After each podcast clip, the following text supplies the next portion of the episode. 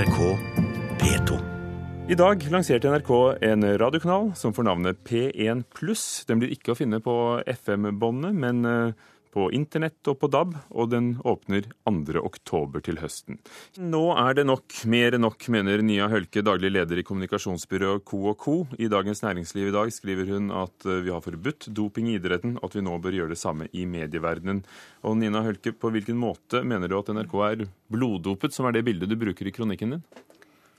Jo, det jeg ønsker å stille spørsmålstegn ved, det er NRK sine virksomhetsområder.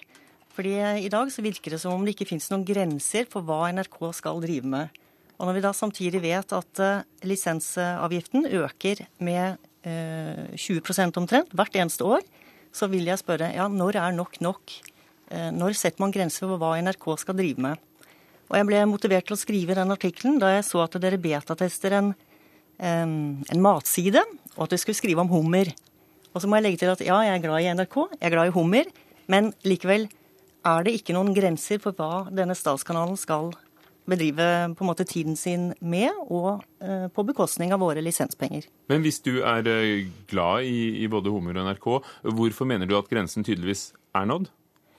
Og Det går på bekostning av de kommersielle aktørene. Så hvis vi, tar, eh, hvis vi tar den kanalen som dere nå skal lansere, så ser jeg at det er et format som går rett på P4 og på Radio Norge, som de er i dag. Og når dere har ti kanaler allerede og er såpass bra dekket opp, så spør jeg er det nødvendig å ha en ellevte radiokanal som konkurrerer såpass sterkt med de kommersielle aktørene som ikke får noe penger gjennom lisensavgiften.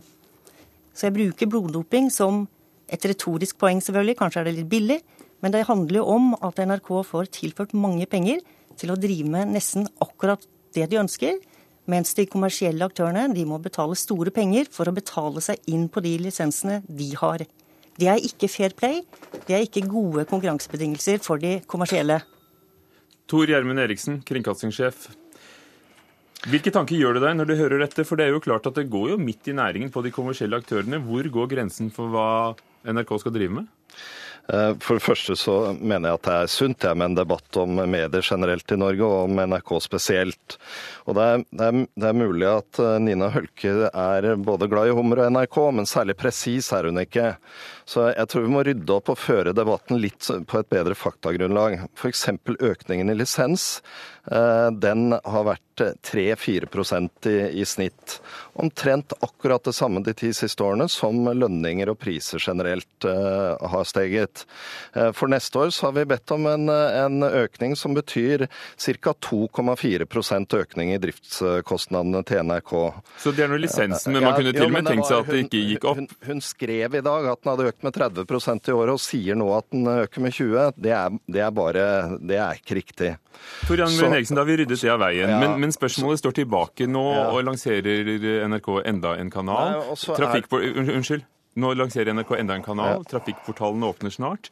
Hvordan mener du at NRK kan drive slik, og ikke gå på bekostning av mediemangfoldet og de kommersielle? Men, men, det er jo ikke riktig at man har gått på bekostning av mediemangfoldet. De siste årene så har vi vært gjennom en digitalisering av både av TV i Norge. Eh, vi har aldri hatt flere kommersielle TV-kanaler. Det er bra. Vi har aldri hatt en større økning i omsetningen på TV-reklame i Norge. Og det er samtidig som NRK omtrent har holdt sin posisjon. Det er faktisk ikke dekning i fakta at NRK påvirker eh, mediemarkedet i den grad at man begrenser mangfoldet. Så, så må jeg også legge til at det er jo sånn at det er Stortinget i, sine, i stortingsmelding for eh, seks-syv år siden som satte opp rammene for eh, NRK, kringkasting i en digital framtid. Og Der settes det et krav til NRK at vi skal utføre våre allmennkringkasteroppdrag også på nye plattformer. Det er klart at når mediebruken flytter seg over til eh, digitale plattformer og mobiltelefoner, så må også NRK kunne distribuere nyheter, underholdning, sport og annet stoff som, holder, som er innenfor det som er vårt oppdrag. Eh, og i tillegg så er det sånn at det er en en, en, det er etablert en forhåndsgodkjenningsordning for alle nye etableringer NRK skal gjøre. Og den nye kanalen nå, den, den er en DAB-kanal, det er riktig, for å stimulere overgangen til digital radiolytting. Og den er faktisk godkjent både av Medietilsynet, Konkurransetilsynet, og så venter vi på godkjenning fra, fra regjeringen.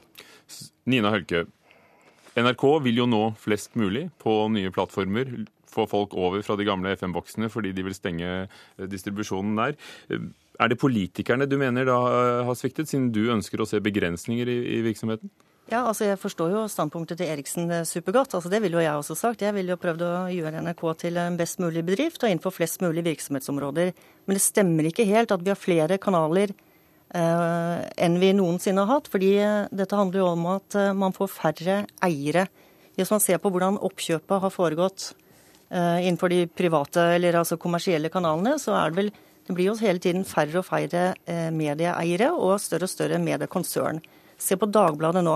De klarer ikke å tjene penger. Ja, hvorfor ikke det? Nei, kanskje er det fordi at konkurranseforholdene deres er for skarpe. De er for vanskelig til å overleve. Og det er en stor dagsavis en, eh, med en stor redaksjon. Men Mener du at politikere skulle, skulle vært eh, strengere?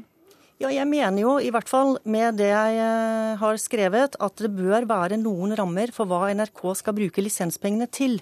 Det, noen, altså det bør finnes noen rammer for hvordan vi definerer allmennkringkasting. Og jeg er helt enig, og jeg, og jeg sier igjen, jeg er veldig glad for at vi har NRK som serverer oss nyheter, som serverer oss sport.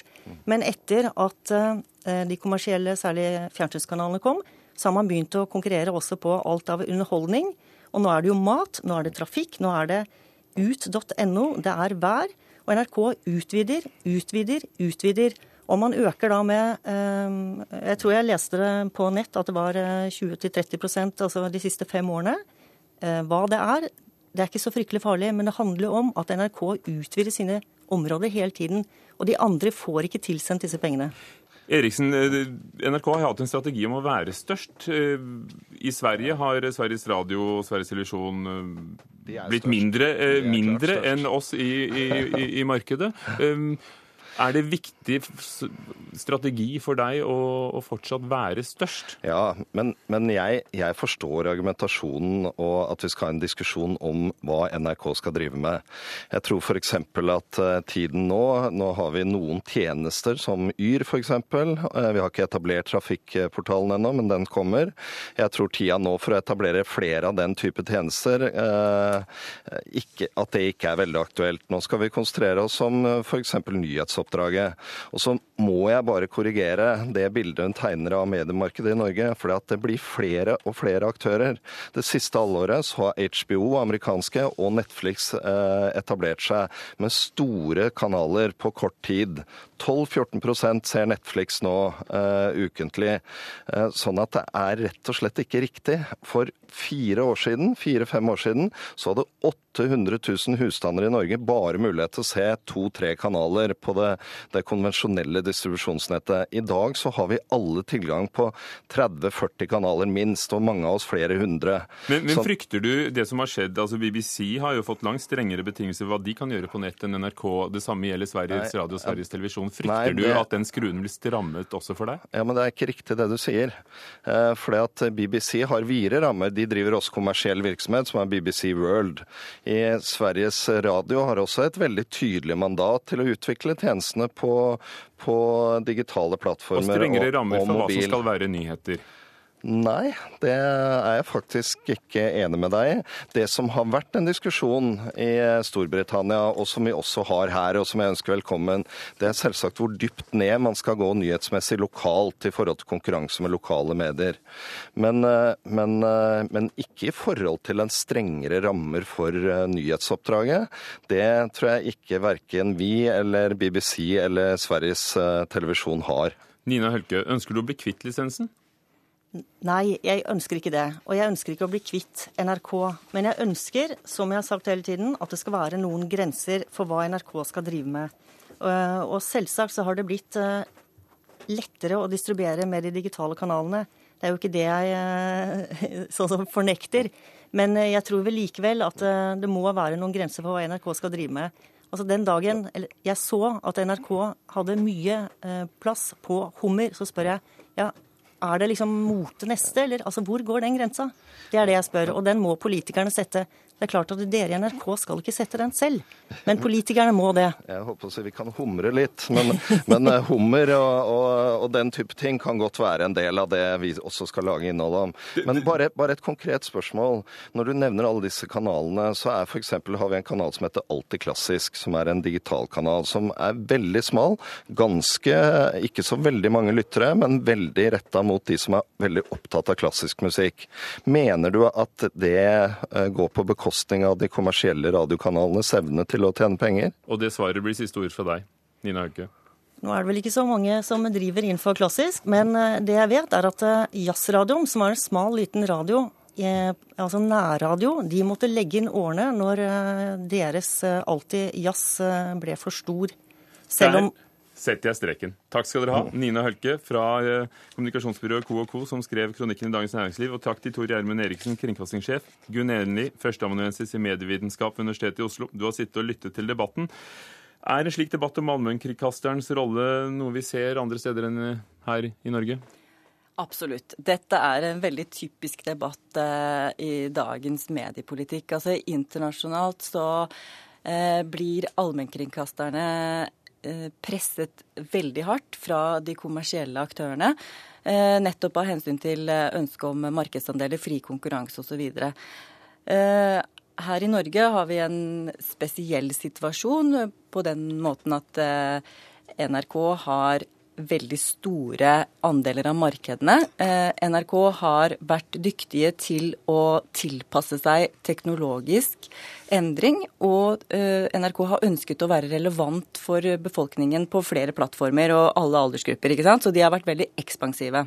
Som du ser det, finnes det klare grenser for NRK i denne ekspansjonen som foregår? Altså, Grensene for NRK finnes.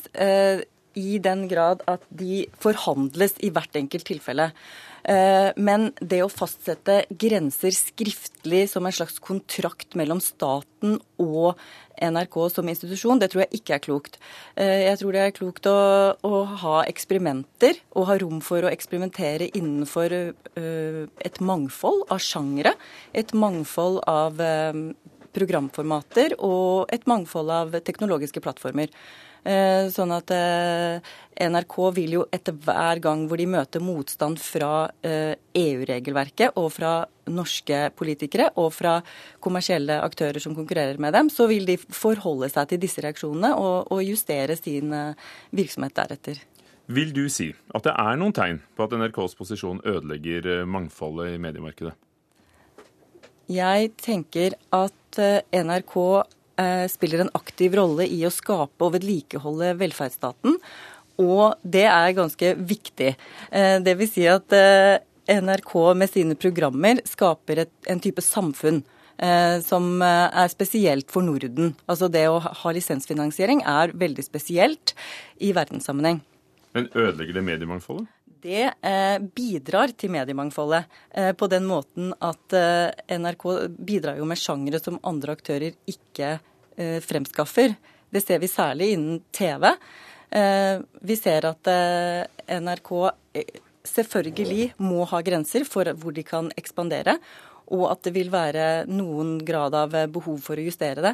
Men i det store og det hele så er det sånn at kommersielle aktører i stor grad konkurrerer om de samme seerne og lytterne. sånn at eh, NRK har da muligheten til å også betjene de f.eks. Eh, mindre attraktive målgruppene. Takk skal du ha, Gunn Enli, medieforsker ved Universitetet i Oslo. Hør flere podkaster på nrk.no podkast.